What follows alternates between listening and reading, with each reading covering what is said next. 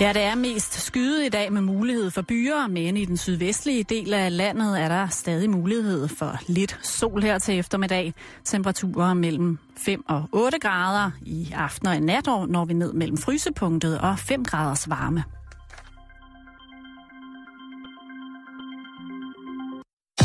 Du lytter til Radio 24 /7. Danmarks nyheds- og debatradio. Hør os live eller on demand på radio247.dk. Velkommen i Bæltestedet med Jan Elhøj og Simon Jul. C'era tanto tempo che sto diavolo lo vedevo timido a ronzare e il toso il vecchiaseva tanto tanto ma coraggio noi capeva di parlare Andemo a sognare, Ninetta, sulla laguna al ciar de luna te parlerò, te baciarò così, così. Ingondoeta soli mieti, ingondoeta, fingondo eta soli mieti. Ja, god eftermiddag og rigtig hjertelig velkommen her til programmet Jørgens Farmor, som i dag skal handle om...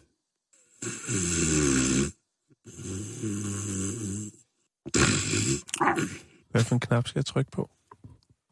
Nå, vi er i gang. Ja. Okay. Øh, jeg kom bare lige en trance af, af italiensk musik. Det var rigtig godt. Jeg bliver meget, meget kælen, når der er italiensk musik. Det lød ikke sådan. Nej, men øh, Det i gang i et radio hørespil. jeg bliver lynhurtig lige omkring 62, når jeg hører sådan noget musik der. Har lyst til at snakke om... Jeg får lyst til at drille. Skal vi lige prøve at høre det igen? Ja, sådan noget, hvor man lige, du ved ikke, hun der stikker en sådan lidt under armhulerne, og sådan lidt, de tager sig lidt i kinderne der, ikke? Og smølfespark, der hvor man lige sådan... Lige tage fat ned. Ah, ah, kom herhen. Ah, hvad siger du til det her? Lige stik lidt under armene, lidt skiberbryst. og sådan. Lige måske tvangs, tvangsdanse med ens, en fremmed mands Åh, hænder. ja, selvfølgelig. Det er altid sjovt. At tage fat i folks hænder bagfra og, så, og danse helt vildt med dem. Bare Ja. lynhurtigt og så ud igen. Det er det musik godt til. Det er faktisk. Men Jan, vi har også et program. Vi skal, ha- nå, ja. ja. det skal vi. Øh, god eftermiddag, rigtig hjertelig velkommen. Vi skal nå øh, en del, og det er et program, hvor du trygt kan læne dig tilbage. Du kan med stor fordel allerede nu hente en blok pergament, og så have en fjer klar og et fyldt blækhus, mm. for der kommer til at være Og eventuelt noget citronsaft, hvis man godt vil have, at det, man noterer, ikke kan læses andre, før de putter det i ovnen. Kan du huske det trick? Ja, ja, ja, usynlig blæk. Ej, så I skal bare øh, komme i gang, I lave en stor dejlig kop et eller andet, og så sætte jer ned og klar til at notere, fordi der bliver helt sikkert punkter i løbet af dagens program, som du vil kunne tage med ud i det, som nogen kalder den aktuelle virkelighed. Men Jan, jeg vil lige starte øh, her nu med at, at snakke lidt om, om diktatorer, fordi det er jo noget, som jeg virkelig elsker højt. Jeg har Men nogle jo- gange så undrer jeg over, altså, hvordan du havner derude, Simon. Mm. At du sidder og tænker, nå, nu skal vi sgu... Altså, så har du lige en, en lille ting om nogle satanister et eller andet sted, ja. Ja. og så har du noget om, at, at Hitler ikke var det helt store elskovstempel, og nu har du så fundet det her frem. Ja. Ja. Når man nu har sat sig i en position som diktator, når man har eventuelt ved alverdens vold og magt tvunget et ellers godtroende folkefærd i knæ, tvunget dem ud på hungersnødens smalle, smalle, ubehagelige sti, når man har valgt at sætte en ny form for kønskvotering ind i forhold til ledende positioner, når man har gjort nepotismen til det mest ædle i forhold til, hvordan man skal styre sit land og hvem der skal tjene penge, så har man jo altså allerede der, synes jeg, og det tror jeg ikke, man behøver at være psykolog for at se, en eller anden form for social brist. Og den brist, den kan også indebære, at man jo i kraft af, at man har alle det her lands midler under sin egen, ja, jeg siger det som det er, punkt, at man jo så også kan få lov til at stille nogle krav. Ikke nogle rimelige krav, Nej, det skal ikke være rimeligt, vel? Nej, og ikke nogen krav, som øh, med fordel kunne forbedre for eksempel levestandard eller, eller noget andet for, for landets befolkning. Nej, det er noget, som egentlig bare kun skal pleje en selv. Og så jo i det lys, at, at man som diktator jo altid tror, at alle hvad hedder det, synes, at det er en god idé, det man gør. Fordi at hvis de ikke synes, det er en god idé, man gør, jamen, så kan man jo altså bare sørge for, at de aldrig nogensinde har en mening mere.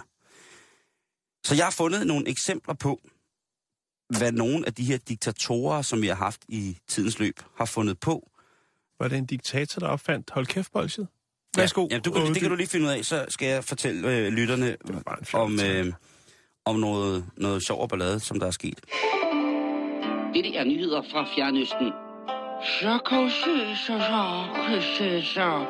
Hasser langsommere. I Asien har de bitte små øjne, men kan se nøjagtigt lige så meget som både dig og mig. Dette er de sidste nye fra Fjernøsten.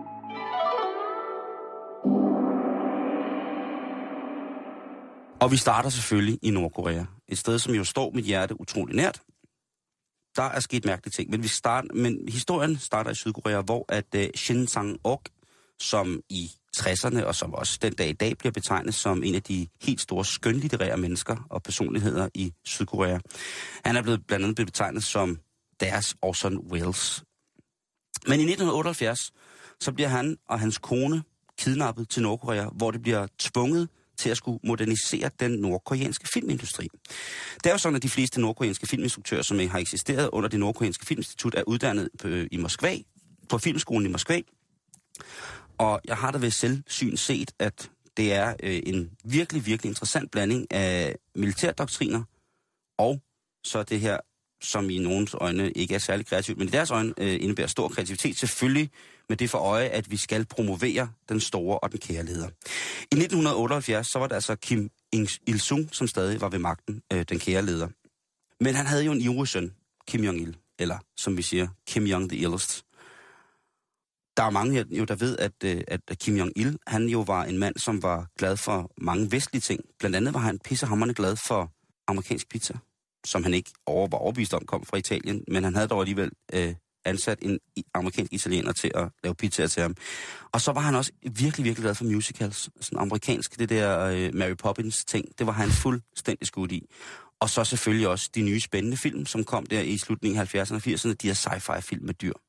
Han laver simpelthen, efter han har set den første udgave af Godzilla, eller Godzilla, så får han altså skabt det her filmmonster, som hedder Pulgasari. Og Pulgasari er en nærmest tro kopi, bare i en lidt fesen petroleumsblå, en meget, meget stor gummiøjle, som så går rundt og spreder død og ødelæggelse med det budskab om, at hvis man så står sammen i øh, den socialistiske, kommunistiske, diktatoriske ånd, ja, så kan man altså besejre selv de store grimme væsener. Grimme væsener. i Stars and Stripes. Lige præcis. Lige præcis, Jan. Det er selvfølgelig en symbolisering på den vestlige verdens øh, kapitalisme og ondskab og alskens, øh, alskens dårligdom.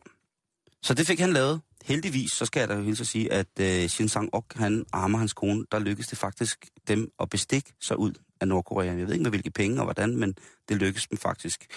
Hvis man kigger på, på, øh, på listen over, hvem der har lavet, haft de mest øh, de allervigtigste positioner i henhold til filmen, så er det selvfølgelig øh, den store leder selv, Kim Jong-il, som har, øh, har stået for filmmanuskriptet, for Director of Cinematography. Altså Det kunne han lige klare. Ja, det er klart, selvfølgelig. Det er ikke nogen tvivl. Så hvis man er diktator, så skal man selvfølgelig lave monsterfilm. Det, jo, det kan ikke være anderledes. Det, det er en af de ting, som du kan skrive ned på listen over ting, du skal huske, når du har overtaget et land.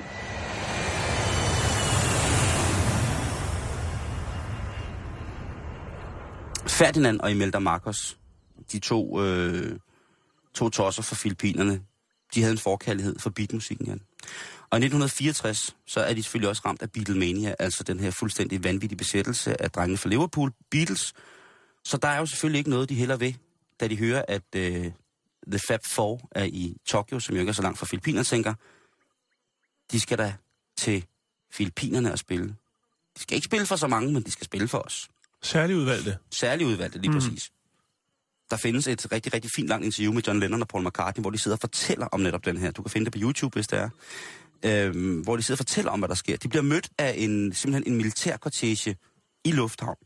Og så bliver de altså direkte sendt til hotellet, hvor de, de skal bo med det her militærkortege. Og, og der sidder de sådan og venter, og de kan ikke rigtig forlade hotellet, men der er de. Og de vil gerne hvile sig lidt. De har haft nogle crazy days i Tokyo, så de vil gerne lige hvile sig lidt, inden de skal opføre hele to shows. Og der er selvfølgelig meget, meget, meget stor opmærksomhed omkring det her, og alle de unge mennesker på Filippinerne er jo helt klar på lige præcis det her. Øh, Filippinerne var jo mange år øh, amerikansk flådestation på mange punkter, og det vil sige, at øh, selvom de havde fået et nyt diktatorisk styre, jamen så var for eksempel sådan noget som radiokultur stadig en stor ting på, mm. øh, på dem, så de kunne stadig modtage amerikansk øh, beatmusik, og det måtte de gerne høre. På den måde var diktatur, det diktatur ikke så ondskabsfuldt på den måde. Det var det så på alle mulige andre måder. De vil rigtig gerne slappe lidt af. Men der tænker Imelda Marcos jo, fordi hun tænker, det er, jo, det er jo hende, der har inviteret dem stort set. Jeg tror ikke, at Ferdinand han har været så meget ind over det her. Men Imelda, hun mener jo helt sikkert, at det vil være på sin plads, hvis øh, The Fab Four lige kom forbi dikta- diktatorpaladset, og eventuelt gav et par numre, og lige kunne få taget nogle billeder sammen. Præcis. Og lige kunne få taget nogle billeder med de her diktatorer, så diktatorerne kunne øh, sole sig i, at jamen selvfølgelig går de ind fra peace, love and harmony og beatmusik, og alle skal have det godt, og de mm. er selvfølgelig også klar til at integrere sig i den vest, vestlige handelssituation i forhold til, hvordan de ellers står. Men det kan de simpelthen ikke overskue, boybandet. Beatles, de er for trætte, så de siger, prøv at høre, det har vi altså ikke lyst til. Og det falder jo ikke i god jord, når man er diktatorfru. Så er en af, de, en af de klassiske tegn er jo, at man vender på en tallerken. Det kan hun slet ikke overskue. Så hun lader det løbe til øh, pressen, til medierne, ud til radioerne, de samme radiostationer, som selvfølgelig har hjulpet til at gøre Beatles kæmpe store.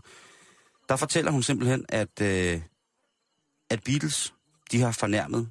Der, er- der går nogle rygter om, at hun, hun påstod, at øh, hun havde slået Beatles ihjel, eller Beatles havde troet hende på livet. Altså, der er mange mærkelige. Men den officielle øh, som man stadig kan finde i dag, og som er den, som er stående forklaring, er, at hun ligesom får, får spredt sådan et, øh, noget lus i skildpænsen i forhold til Beatles popularitet på Filippinerne. Så fra at Beatles er blevet hyldet i den her militærkortege, så går det altså galt. Så bliver venner hele befolkningen så. De tør jo ikke andet, kan man sige. Mm. Nej, nej, selvfølgelig. Hvilket ender med, at Beatles til sidst må flygte ud af Filippinerne. De simpelthen må, må, må tage taxaer og private biler til lufthavnen, og nærmest løbe efter flyet på landingsbanen, så de kan komme væk fra Filippinerne. Hvad med alt deres gear? Det er der ingen, der ved. De, kom, de der fire mand kom altså afsted lynhurtigt. Og Det er deres, penge øh, og deres øh, entourage der Det hænger nede på øh, Hard Rock Café i Filippinerne. på Manila. Ja. Nej, det gør det ikke. Øh, det, hvad hedder det? øh, Det er jo klart, at man skal, øh, skal prøve det. Og der stod øh, hele familien Markus bare øh, tilbage, og øh, hverken værre eller bedre gik det jo, end at selvfølgelig blev Beatles bandlyst i den periode, hvor at, øh, de to tosser sad ved magten. Vi skal også en tur om Afrika. Vi kan ikke undgå det. Og øh, præsidenten for Uganda fra 71 til 79, han hed Idi Amin. Og han var jo lidt af et... Øh, han var for det første lidt af et lokum, men han var også en vred afrikaner. Fuldstændig væk fra dørtelefonen. Han kunne jo for eksempel ikke... Altså, tit og ofte, så kunne han ikke betræde den jord, som offentligheden betrådte. Så han skulle bæres i sådan en helt traditionel afrikansk høvdingestol, som jo altså den her stol, der bliver båret på lægter. Det mangler der bare. Finten var bare, at de mennesker, der skulle bære... Og han var jo et kødfuldt projekt i det, jeg mener. Han var jo øh, mildest talt øh, smælderfed. Det korps, der stod for at skulle bære ham rundt, hans tjenere var jo kun hvide mennesker. Det var jo kun den ariske race, som måtte bære ham, og på den måde blive underlagt hans voldsomme magt i alle mulige forskellige betydninger. Men fysisk gørelsen af, at Idi Amin havde underlagt den ariske race sin vrede og sin magt og sin gavmildhed ved ikke bare udslætte, men sætte dem til at tjene ham, det var jo i stammesamfundet, ifølge ham selv, en stor, stor gave til, til det afrikanske liv. Så det, det skal man, altså, så lavede han jo også alle mulige mange ting. Men han havde jo altså den her sætning, der hed, The white man's burden. We Africans used to carry Europeans, but now Europeans are carrying us. We are now the masters. Så øh, den afrikanske master, ifølge ham selv, var altså Idi Amin. En sidste ting øh, med tossede mennesker, som vi lige skal igennem, der skal vi altså til øh, Turkmenistan, og det er jo et område, som jo altid på en eller anden måde forekommer at være en lille smule aktuelt som brandpunkt. Men da den gode gamle Sovjetunion, den kollapser i 1991, så er øh, lederen af Turkmenistan, øh, Sabat Murat Niyazov, han for det første så tiltræder han som, som præsident i landet, og så skifter han også navn til Turkmenbashi. Og han starter som det første, Jan. Det skal man jo som diktator. Med at få lavet en kæmpe stor guldstatue af sig selv. Det hører til. Den, den, den slipper du ikke udenom, vel? Det er der så, hvor han så tænker, aha, hvis jeg skal pimpe den klassiske diktatoriske guldstatue op til noget helt sindssygt, hvad gør jeg så?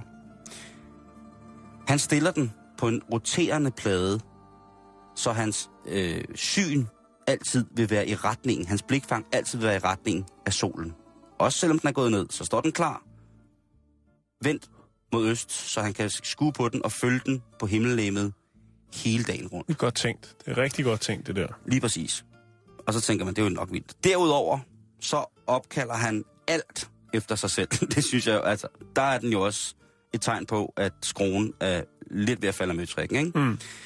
Han hænger billeder op over alt af sig selv. Han kræver, at folk skal have billeder af ham, så de ligesom ved, hvem han er. Det er jo meget en diktator-ting, der Det er det meget. mange steder. Øhm, altså, for det første bliver alle penge, skal han have alle penge trykt om, sådan, så han figurerer på alle penge. Både skal, han skal både slås i profil på mønter, men han skal selvfølgelig også trykkes på pengesedlerne. Derudover så øh, laver han om på en masse gadenavne. Han giver selvfølgelig en masse gadenavne et øh, navn, som indeholder hans eget navn. Han får selvfølgelig sine egne vodkaflasker. Det mest solgte vodkaprodukt bliver selvfølgelig også prydet med hans navn og ansigt. Og til sidst, og, og det er det bedste af det hele, til sidst, der dropper han januar måned. Han øh, omdøber januar måned til Turkmenbashi, altså sit helt eget navn. Januar smutter ud, Turkmenbashi kommer ind.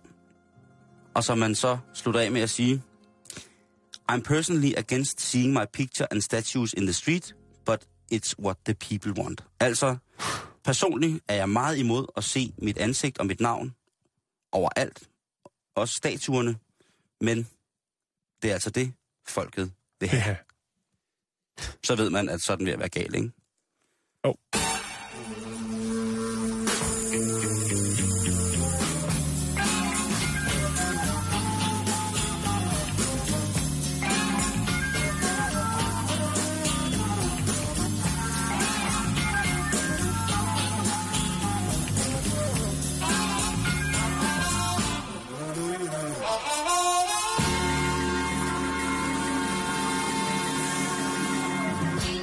Apropos hold kæft bolsjet. Ja, hvad, hvad skete der der? Øh, altså, navnet kommer bare af, at det er stort. Ja. Øh, så stort, som man ikke kan tale med det i munden. Men udtrykket er jo også, bliver jo også benyttet i overført betydning. Blandt andet af, i politisk sammenhæng. Om at give folk noget andet at tænke på, end øh, det, de ønsker. Altså, i stedet for at imødekomme dem, så øh, lægger man en, en dæmper på. Ligesom at vende, Mm. vende det hele lidt rundt. Det er at give øh, befolkningen et hold kæft bolsje. Udover det, så har søsterne Grene så også, men det hedder bare et hold mund bolsje. Ja, det skal jo være kæft pænt. skal ud, ikke? Jo, det skal, Ja, være ja, pænt. ja. det skal være pænt. Lad det bare blive det. Uh, hvis vi snakker uh, det, som der sikkert er nogen, der gør derude, kan jeg lytte, uh, surfe porno på jobbet.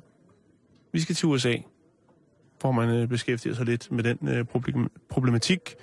Altså surf porno på jobbet, Ja, så er man, så er man meget, meget lidelig, man er. Øh, jamen altså mange, der sidder på kontor, de kan jo både lige lave lidt Facebook-opdatering og lidt, øh, lidt øh, netværk der, at, øh, shoppe lidt måske, og skynde sig at minimere browseren, hvis chefen kommer forbi. Det kan også være, at man lige øh, hvad hedder det, tilpasser sin øh, datingprofil, eller opdaterer den med et nyt billede eller noget. Der er mange ting, der foregår, Simon, når folk sidder der bag computeren øh, 8 timer dagligt. Men undskyld, når man siger porno, så gør man det jo for én ting. Jeg kender, jeg kender simpelthen ikke nogen mennesker, som bare ser porno for ligesom at studere det og nyde det på den måde.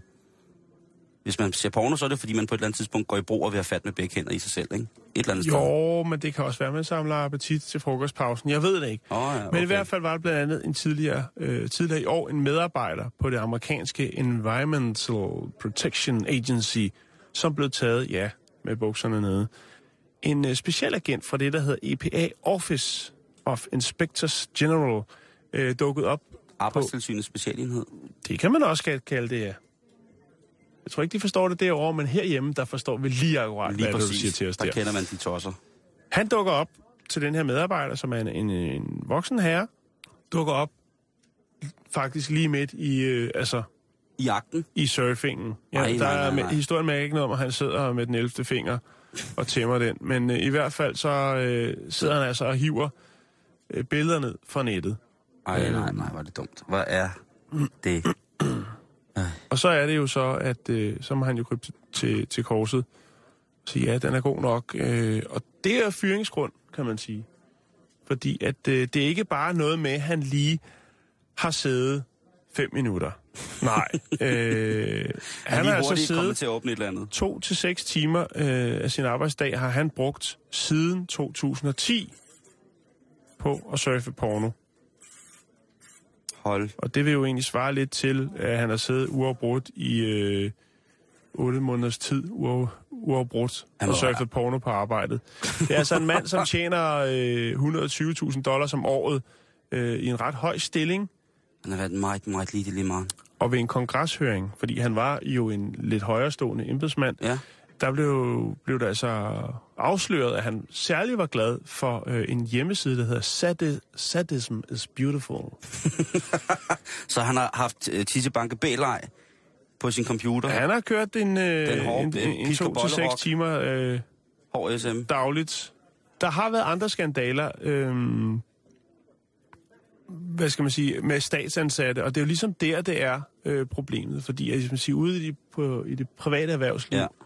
der øh, tror jeg nok, at øh, IT-manden han nok skal bemærke, hvis, hvad der foregår, hvis der der bliver hævet ned.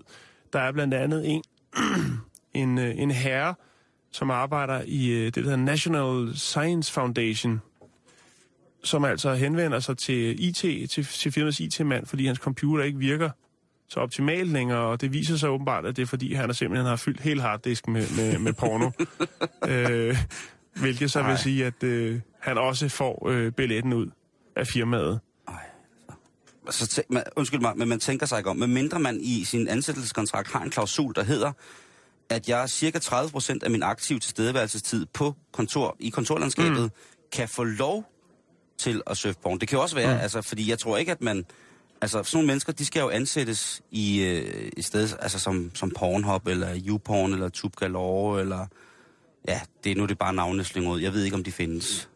Kender ikke noget til det. Nej. Men, men altså, ellers så, altså, man skal jo altid vide, at hvis du indgår i en datamatisk, øh, en database-netværksløsning, altså hvor du er linket op på enten firmaets øh, server øh, trådløst, eller du er på en hardline-forbindelse, jamen så bliver du nødt til at forstå, selvom du ikke er særlig vild med computer, at der altså, når man ansætter folk i IT-afdelingen, så får man også lavet det, der hedder nogle filtre, og der vil også være nogle forskellige øh, visuelle genkendelsespings, øh, som altså er det her, hvor at man siger, jamen hvis man lige pludselig kører ind på en hjemmeside, som har rigtig, rigtig meget med sex at gøre, eller bukake eller et eller andet, jamen så vil det automatisk dukke op som værende en uregelmæssighed i øh, systemanalysen, når at øh, IT-folkene går til, en lige inden de går til frokost, ikke, så tjekker de, nå hov, hvad har John Det, siddet og på? det er da en meget gode billeder. De. Nå, Ja, lige præcis. Og så siger det, ej, du skal, så får man sådan en in, intern besked, hvor der står, prøv den her side i stedet for. I 2010 blev der lavet en undersøgelse, der viste, at 29 procent af alle amerikanske medarbejdere,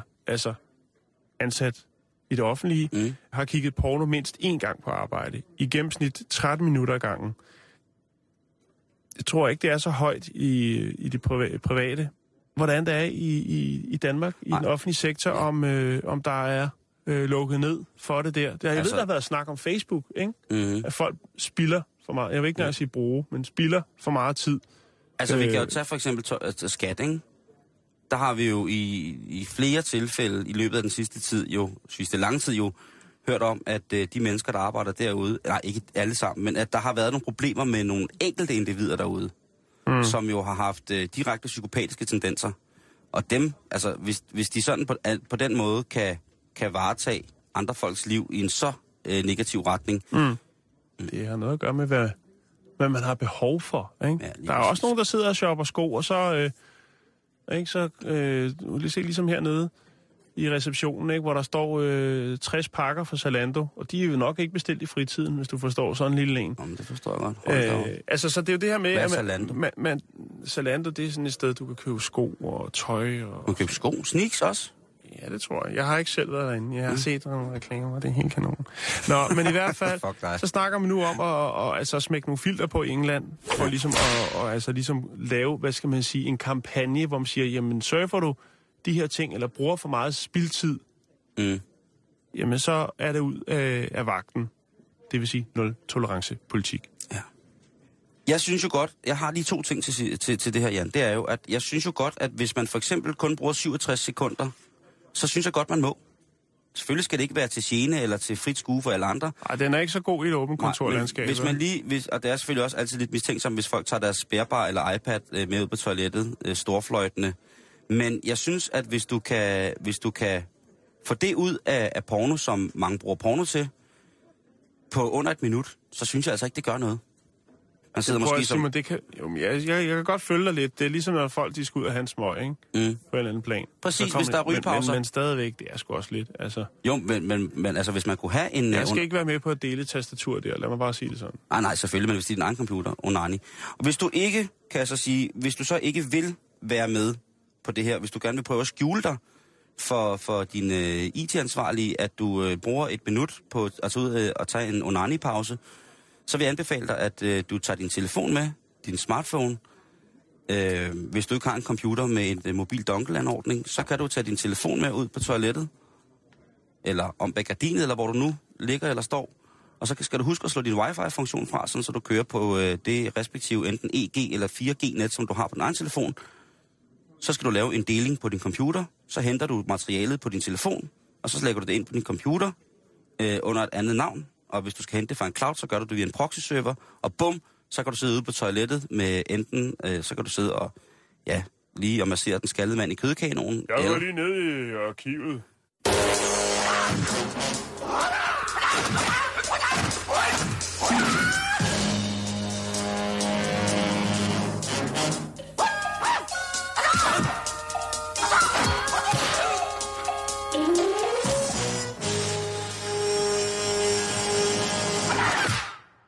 Altså, jeg gør slet ikke alle de, laver slet ikke de der øh, øvelser, som jeg lige snakkede om. Nej, men det, det, det, det er bare- jo det er en del af public service, det- det- at du ligesom kan byde ind der Lige med, præcis, at hjælpe folk, som... Ja. Øh, så man kan bevare Som- jobbet. Og, øh, og jeg er der om noget et perverst svin, men jeg vil også bare have, at man skal kunne administrere det i sin egen tid og sit eget tempo. mayonnaise skal der til. Lige præcis. Og det er det, vi skal snakke om nu, Jan. Fordi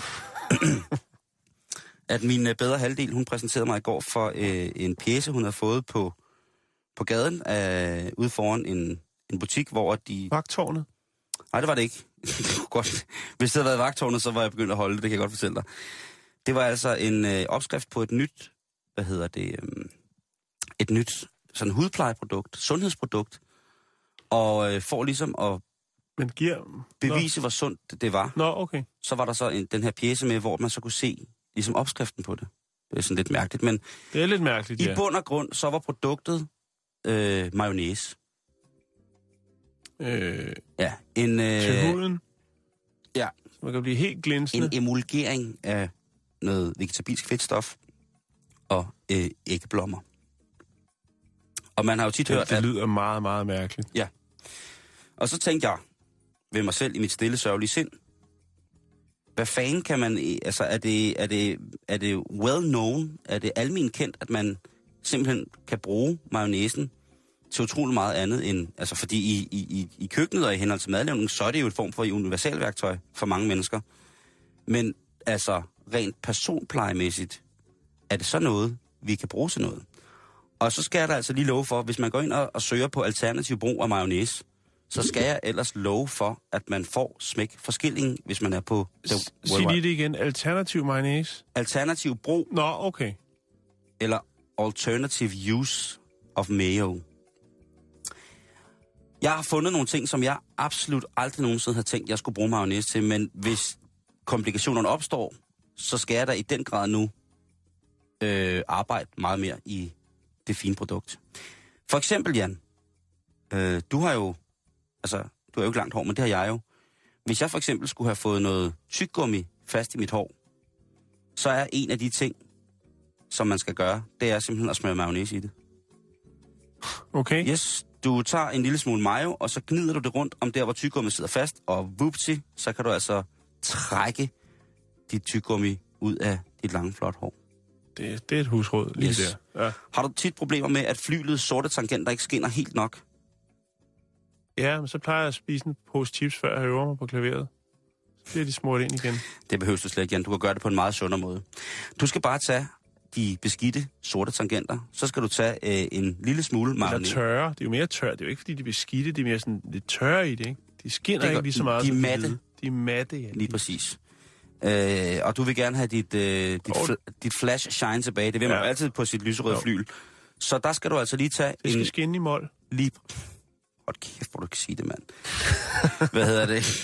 Så du drøber lige en lille klat af den hvide væske, af den hvide masse på tangenterne, og så knupper du, så gnider du lige så stille, så gokker du tangenterne med mayo, og bum, så er de pivskinnende rene, og så kan du, dine hænder altså løbe, altså din veludviklede klaverpoder kan altså løbe hen over tangenterne, i hvor både altså tempo, anslag og alle former for øh, accentueringer i dit spil vil blive meget, meget mere øh, velafstemt. Så når der skal vaskes klaver, så husk det. Har du nogensinde set København fra en DC10? Har du nogensinde haft en... Øh, nu, går det jo, nu er det jo kun mig, der går med fingerringen. Jeg er også to. Så den her, den er lidt til mig selv. Der er jo mange gange, hvor at man har, skal kæmpe lidt med at få sin fingerring af. Det kunne også være en anden form for ring, man har problemer med at få af. Og der er jo altså mayonnaise den mest fantastiske lubricant, altså et smøremiddel, en olie. Jo, der er ja. jo også masser af olie i. Det må gøre. Det var så, den var sådan set bare mest øh, til mig selv. Øh, Du er også den eneste, der bærer. ja, det var det ikke, og jeg kan ikke se den ring, du går med, så det er ligesom, det er det. Kender du de her fedtfarver, som hedder crayon eller crayons på, på engelsk? Yes. Der er jo tit, hvis man øh, er kommet fuld hjem og skulle huske noget, så tager man jo tit en farvestift og skriver på væggen, og så står man op næste morgen og tænker, det er et helvede for i det her. Men nej, Jan, det er det ikke. Det skal jeg sige dig. Hvis du øh, sprøjter lidt mayonnaise på væggen, der hvor du har skrevet med, med fedtfarver på, ikke? Ja. så lader du det bare sidde en lille smule, 5-10 minutter, bum, og så kan du altså bare tørre det af. Så hvem har brug for lidt bang, når man bare kan smøre mayo på pletterne? Men så har man jo en fedtplet på væggen. Det er jo bedre end et stort flammende Og den kan man hagekors. fjerne med noget, øh, noget klar opvaskemiddel. For eksempel minirisk. Jamen, jeg har det, jeg har det, det, det, det. Og så er der en helt en anden ting, som selvfølgelig skulle komme, og jeg havde siddet og bare ventet på, hvornår den kom, da jeg søgte rundt i de her ting. Det er selvfølgelig, hvis du skal, altså den helt ægte klovnemaske, den er selvfølgelig også sund, men det er en anden proteinholdig væske, som man, som man så skal give sig selv. Men jeg hvis man, hvis man vil undgå øh, altså bukake så kan man altså gnide sig selv ind i fjeset i mayo. Dæk hele Det lyder ikke specielt hverken lækkert eller sundt. Men øh, du skal lade det sidde i 10-20 minutter. Og så står der øh, i den her øh, naturguide til naturlige kosmetikprodukter, Et bedre liv med mayonnaise. lige præcis, så står der altså, at du skal vaske af med koldt vand. Fordi så bliver fedthinden jo siddet. Så kan du gå, gå og glænse lidt. Jeg ved ikke, om man skal bruge dijonæs, øh, altså blandingen af dijonsenep, grovkornet og så mayonnaise, men jeg tror så, der er tale om en helt Det neutral... ville jo en skrubbemaske, så. Hold kæft, Jan, mand. Hvornår åbner du den der butik, hvor man kan komme den der, den der saloon? Så kommer jeg. Noget andet, som jeg, som jeg tænker på, og det skulle måske prøve på kontoret, det er, at hvis man i sin, i sin stue eller sin, sit hjem har mange planter, så, øh, så kan planterne jo... Altså støv lægger sig jo overalt, ikke? Det er for at få dem til at skinne så gnider du lige den magiske mayo hen over plantebladene, hjemmerørt. men du skal ikke blive fanget i det. Fordi tænk, hvis der kommer nogen ind og ser, hvad du laver, og spørger, hvad du laver, ikke? og så siger, jeg står lige og vasker min blade i mayonnaise, så- er man jo færdig. Øh, men helt alene i en stille stund, hvis du går og venter gæster og tænker, "Uh, i dag skal min øh, stavt, den skal altså stå fuldstændig knivskarpt. Selv mine små tagetis skal blomstre amok og ligne milliardos. Så er det altså lige at øh, gnide lidt mayo på bladene, og så bum, Man kan eventuelt putte det i en forstøver. du bliver ved. Det er utroligt. Utroligt. Det skulle også være et rigtig, rigtig godt middel mod øh, lus. Så øh, hvis dine unger en dag kommer hjem, og øh, der er selv med hjem fra børneren, hvor der står, eller fritteren, hvor der står, øh, tjek lige ungerne for lus, jamen så er der kun én ting, Jan. Det er simpelthen bare at hive en dunk mayo ud i garnet på, på tøserne, og så øh, lade det sidde lidt. Og så ellers, øh, Salatmesterens 10 kilos ja. spand. Der står faktisk, at man ligesom skal massere det ned i hovedbunden. Og så det, der så er, er, er lidt mærkeligt ved det her, det er, at normal luseshampoo, det, det vasker man jo bare ud, kan man sige, ret hurtigt efter det har siddet og virket et par, par minutter. Her, der kræver de altså, at man gnider skallen ind i mayo, og så sover med det. Ja, det vil jeg ikke. Øh, Så tror jeg, man skal lave sig et, et specielt sted for natten. Mm. Mindre man selvfølgelig godt kan lide en det, fedt altså, men det, men det, det skulle med, fordi at, øh, der er jo selvfølgelig mange, som øh, Kunne man selvfølgelig ikke bare kan- gøre det i dagtimerne, så tage en badehætte på? Det tror jeg også, jeg vil gøre. Ja. Den sidste ting, som jeg ikke nogensinde havde tænkt, at jeg skulle bruge mayonnaise til, det var, at hvis man har, hvis man har træmøbler, og der opstår en lille sprække i træmøblet, så kan du altså fylde mayonnaise i, og så skulle det efter sine størkne til en masse på et tidspunkt, som skulle, øh, skulle lægge sig rigtig pænt og øh, udjævne eventuelle overfladeforskelle, og så også øh, selvfølgelig sørge for... Jeg ved ikke, om det øh, medfører en, en, en, hvad hedder det, optimering i møblets stabilitet eller holdbarhed, men du får i hvert fald det kosmetiske ordnet med, med majoen. Og der, jeg blev simpelthen sådan øh, inspireret, så jeg tænkte på nogle ting, man kunne gøre med mayonnaise også. Og jeg tænker, for eksempel kan man smøre sine børn ind i det, inden de går på legepladsen, så sidder de ikke fast i noget. Man kan bruge det som snack i biografen. Det larmer ikke, Bare sådan en tube, de Ja. gule der. lige præcis. Så bare sidde der og sutte den. Og hvis du er på slankekur, så er tandpasta. Så kan du blande, så kan du blande, øh, du kan blande benzin i det. Øh, hvis du får tilstrækkeligt nok øh, benzin blandet i det, jamen så brænder det jo rigtig godt. Så er der en form for hjemmelavet gastronapalm, og det er man jo altså også, øh, det kan man jo altid bruge til noget. Gastronapalm. Ja, Jeg vil Gastro- godt anerkende dig for det. ord. tak skal du have. Har jeg ikke hørt øh... før. Så jeg tænkte bare, at det var lige det, jeg ville, øh, ville dele med jer lytter Public Service Wise i dag, fordi at, at vi jo alle sammen har kontakt med mayonnaise på, på, altså om vi ved det eller ej, så er vi alle sammen i kontakt med mayo på en eller anden måde. Det er jo mayo, mayo mere af det gode.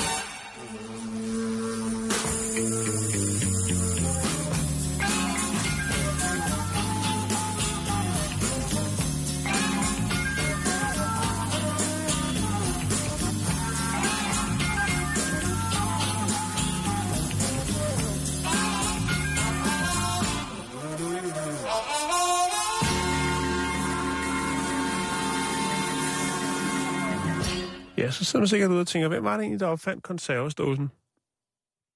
Det er sjovt, du siger det. Ja. Fordi i morges på cykel, der tænkte jeg én ting, Jan. Det var det. Ja. Ja, vi skal i gang lidt mere public service. Det kommer vi til lige Og om så lidt. på et stort bryst. Men øh, det med at konservere på glas eller i dåse stammer, stammer oprindeligt fra Napoleon. Altså Bonaparte. Han udlovede i 1800-tallet, eller i 1800, en dusør til den person, som opfandt en metode, hvorpå man kunne øh, bidrage til at forsyne hans soldater ved fronten med mad. Bum. Nicolas François Appert, øh, en fransk konditor, eksperimenterede i overvis og vandt i 1809-prisen. Mm. Han fyldte kød, æg, grøntsager, mælk og færdiglavede retter i glas, som han forsejlede med korkpropper. Glassene blev pakket ind i lærred og kogt. Ja. Apert tog øh, patent på sin opfindelse, som dog havde det minus, at glasene jo var tunge Mm-hmm. og vanskelige at transportere til fronten. Ja, de kunne gå i stykker vel også, ja.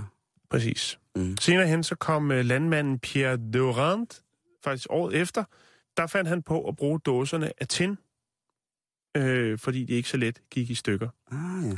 Øh, ideen bredte sig, og dåserne blev senere af stål og blik. Og det var også også der, hvor folk gik hen og fik blyforgiftning, fordi leg- legeringen inde i dåserne jo var øh, noget nær livsfarlig. Ja, og det er jo faktisk lige akkurat det, vi så lige kan rive over i public service-båsen. Åh, kæft, hvor er det godt, Jan. Ja, fordi at når dåsen åbnes, brydes lakken. Og der, det kan komme i kontakt, øh, eller komme i kontakt mellem maden og metaller mm. i dåsen, for eksempel tin. Ja. Og når der kommer til ilt til en konservesdåse af tin, kan tin fra dåsen oxidere ilte og afgive, afgives fra dåsen til fødevaren i dåsen.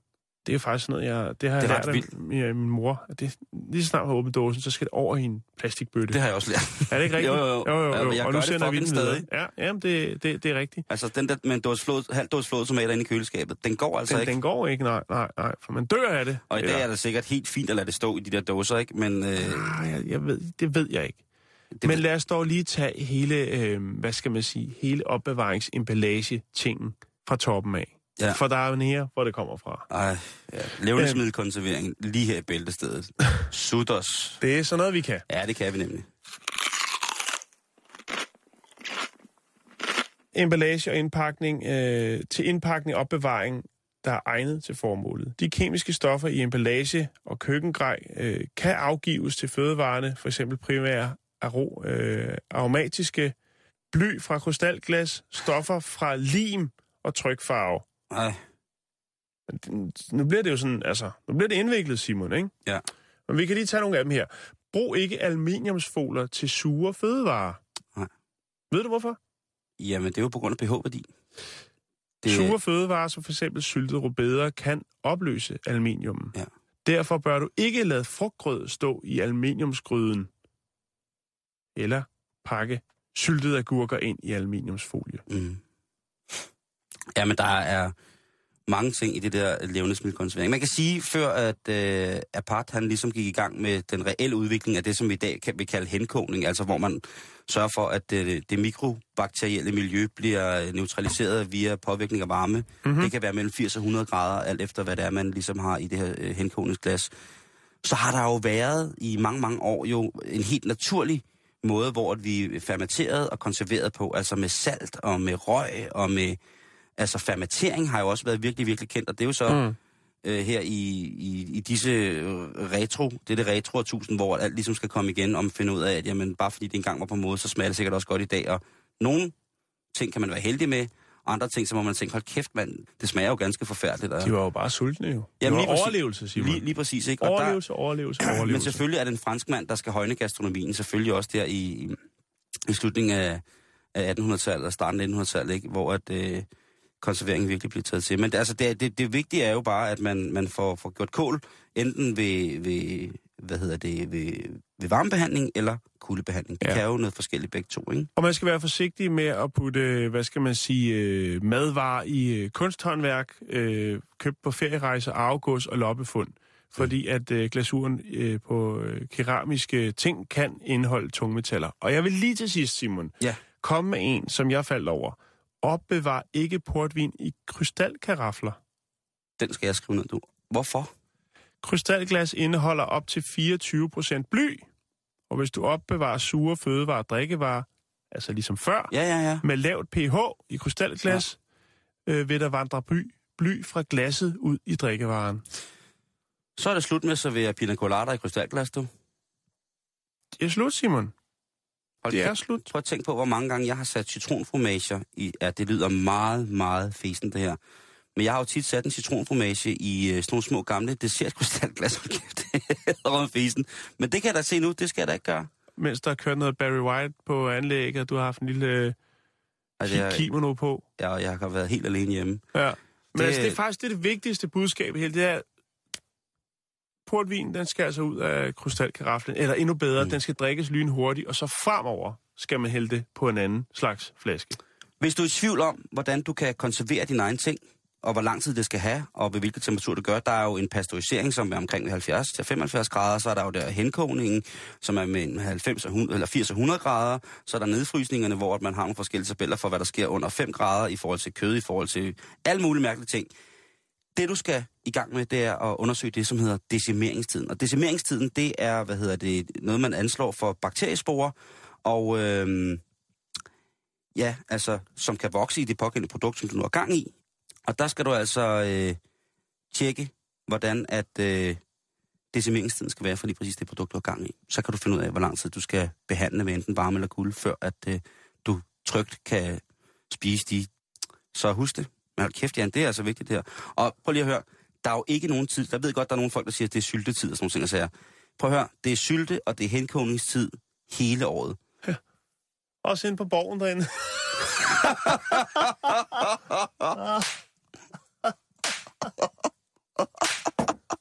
Åh, det er kraftigt sjovt. Det er ikke fornuftigt. Er du okay? Ja, ja. Og jeg, jeg, jeg får jo altid lyst til, altså sådan nogle ting, jeg får lyst til at henkå og sylte, når du, når du fortæller mig sådan noget der.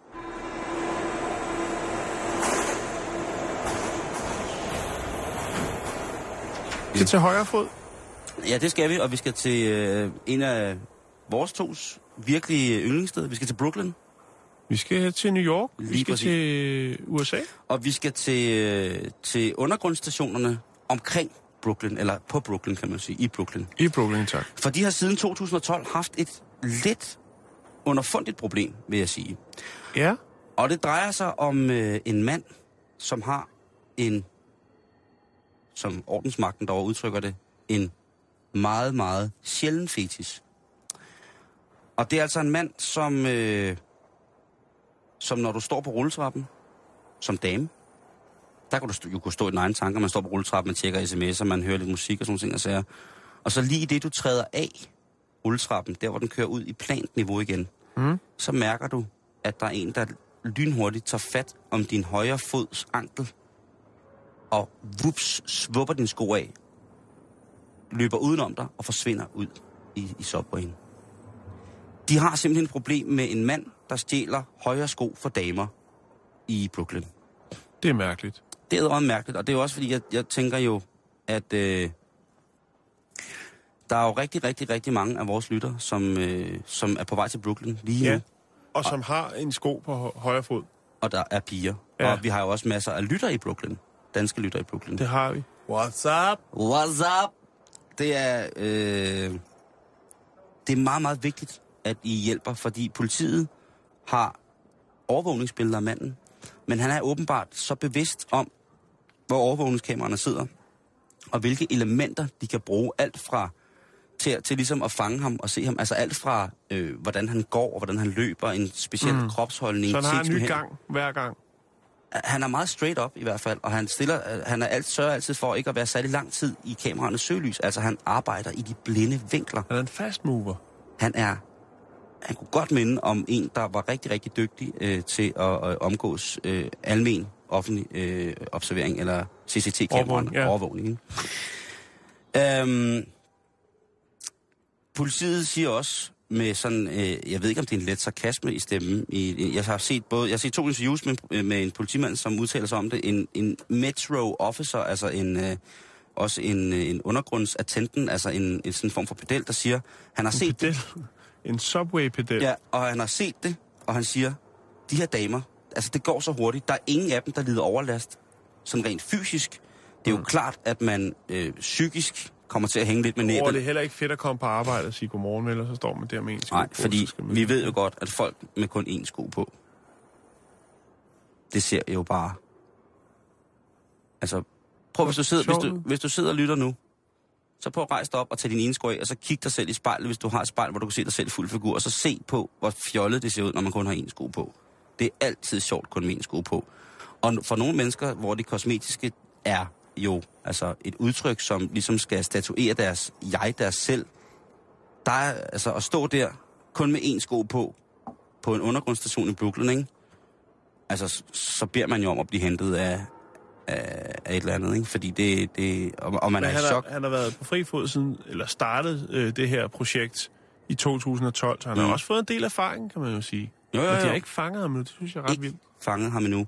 Og der har været over 20 øh, overgreb. Helt præcist øh, er det ikke angivet, men over 20 kvinder har mistet deres højre sko. Ja, der er sikkert også nogen, der ikke har anmeldt det, ikke? Jo.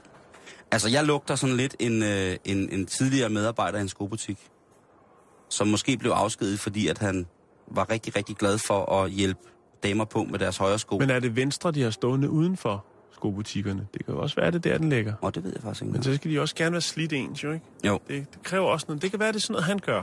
Jo, jo. Det kan godt være, at han har i skobutikken lige kommet til at snuse lidt til, til svangen på en fod, eller kælet lidt øh, på en hæl. Øh, lidt for meget måske, og så måske udstøttet. Jeg tror, han har en kæmpe Brooklyn-hylde fyldt med højre sko.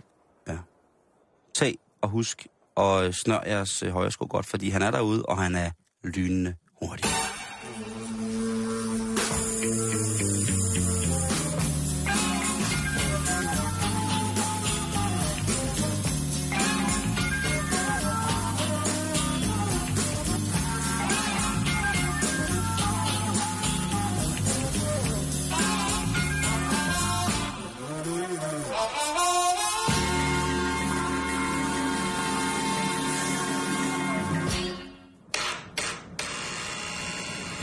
Så øh, står vi her på Søværnets Operative Kommandocentral i Aarhus, hvor vi har fået fat i øh, skibskokken John Prys. Det er jo så dig, der øh, har serveret lammesteg i håndsæbe for de her forskellige officerer og medarbejdere på Søværnets Operative Kommando. Kan det passe? Det kan jo så en øh, fra resten godt være, at jeg, øh, jeg har været på tankskibe, jeg har været på krigsskibe, jeg har været på skibe. hvis der er nogen, der kan lave en, hvid, hvidvins, en hvidsvinsmarineret lammesteg, så er det John Prys, skibskok, men skaffningens mester. John Brys, det undrer mig, at man kan tage fejl af, af en hvidvin og så en håndsæbe. Øh, bliver der ikke smagt på tingene, inden at du serverer det for, for de her øh, hårdarbejdende mennesker? Hmm, jo, det kan jeg sige dig, journalist svin, at det gør der. Det er både med høj venstre hånd, jeg smager. Det er forskel på, skal jeg så sige. Jeg har stået i 42 sekundmeter på åben dæk og lavet frityr, så tror du måske ikke godt, at det kunne være, at jeg ikke en forskel på håndsæve hm, og hvidvin. Fordi det er græsklam, og alle grækere er beskidte. Hm. Ja, det, det er en meget offensiv udtalelse at komme med, at, at, at lam skal smage af sæbe, fordi grækere er beskidte. Det har vel som sådan ikke noget med sandheden at gøre, John Brys. Jeg er sat i ISS. Det er verdens fineste restaurant. John Prys. Kokken og Mette. Bum. Ja, og vi fik desværre ikke rigtig syn for sagen eller svar på spørgsmålene her, eftersom at det virker som om, at kokken John Brys, han er øh, på en anden form for, for niveau, rent mentalt end vi andre. Men øh, tilbage til studiet her fra Søværnens Operative Kommando i Aarhus. John? Så skal vi snakke om den. Alle snakker om det. Yes, Ingen Autoblow 2. Vi skal snakke om Autoblow 2. Skal jeg sige det grimme ord for maskinen? Er det suttemaskinen version 2? Det er den elektroniske blowjob-maskine Ja. Autoblow Ja, 2, det er vi det. skal snakke om. Jeg er ked af det, kære lytter, men vi er nødt til at runde det. For der er selvfølgelig godt nyt til folk, der er bosiddende i Europa, Nå, som øh, skønt. har tænkt sig at erhverve sådan en, men ikke helt har kunne finde ud af det med, med tollerne. Og det vender vi lige tilbage til. Okay. Øhm, fordi at Autoblow 2 åbner et europæisk hovedkontor, efter der jo så til synligheden er nogle akavede møder mellem 12 embedsmænd og køber af Autoblow 2. Ja. Den her elektroniske suttemaskine har afsluttet en øh, vellykket Indiegogo. Indiegogo, det er jo øh, det samme som, øh, hvad hedder de, hvad den hedder, Kickstarter Ja. Crowdfunding crowdfunding-kampagne øh, juni sidste år. der er altså åbenbart nogen, der har tænkt, vi vil godt hjælpe Autoblow 2 med at komme til Europa. og hjælper selv. Og, ja, og dermed hjælpe sig selv, så man ikke skal stå og blive ydmyget. Der er selvfølgelig det med, at når man øh, importerer noget fra USA, så skal det jo igennem hele øh, tolvmyndigheden. Og der er altså nogle lande, hvor tollerne er lidt mere stramme omkring det her med øh, ting importeret øh, uden for, for EU. Og ja. Det er blandt andet øh, Tyskland, men også i Schweiz, Simon. Der er de altså lidt stramme omkring det her, øh, hvor man rent faktisk øh, tvinger kunderne til at komme på tolkontor og åbne varen Nej, og være med til Nej, at tjekke, nej, om nej, det nej. er det rigtige. og det er der altså mange, der ikke synes er specielt fedt, når man har købt Autoblow 2 og stå foran tolvvæsenet og sige, jo, det er det, jeg har bestilt. Og så står det, Ej, nej. Nej, nej, nej. god nej, nej. weekend, hvis du forstår. Ej. Øhm, så derfor har man simpelthen øh, åbnet en europæisk afdeling i England. Det er og chikane, det der. Det er herfra chikane, det kan der. man så købe, uden at skulle stå skoleret foran toller, Hold da kæft. købe Autoblow 2. Og det er altså en virksomhed i kraftig vækst. Dem, der står bag den her lille... Jeg er ret sikker på, at jeg til hver en tid hellere vil foretrække... Altså, hvis man taler altså afblæsning af en selv, så er jeg jo ret... Det, det behøves vi slet ikke. Nej, det, okay. det var bare Nej, public nej. service. Ja. Det var, hvis der sidder nogen derude, der har haft den og trykt køb, men så tænker, åh nej, der er noget med noget tolvafgift og noget... Det, det skal jeg ikke rådes ud. Nej. Men nu er der godt nyt. Jeg skal også... Øh, vi er også færdige, Jan, for i dag. Er, er der andet, der skal med den public service ting? Fordi ellers Nej, så... det er, det er der ikke. Nej, okay. der, er, jeg har ikke mere. Kære lytter, tak for i dag. På genhør i morgen, der er vi tilbage stort set samme tid, og i hvert fald helt sikkert samme sted. Ha' det godt.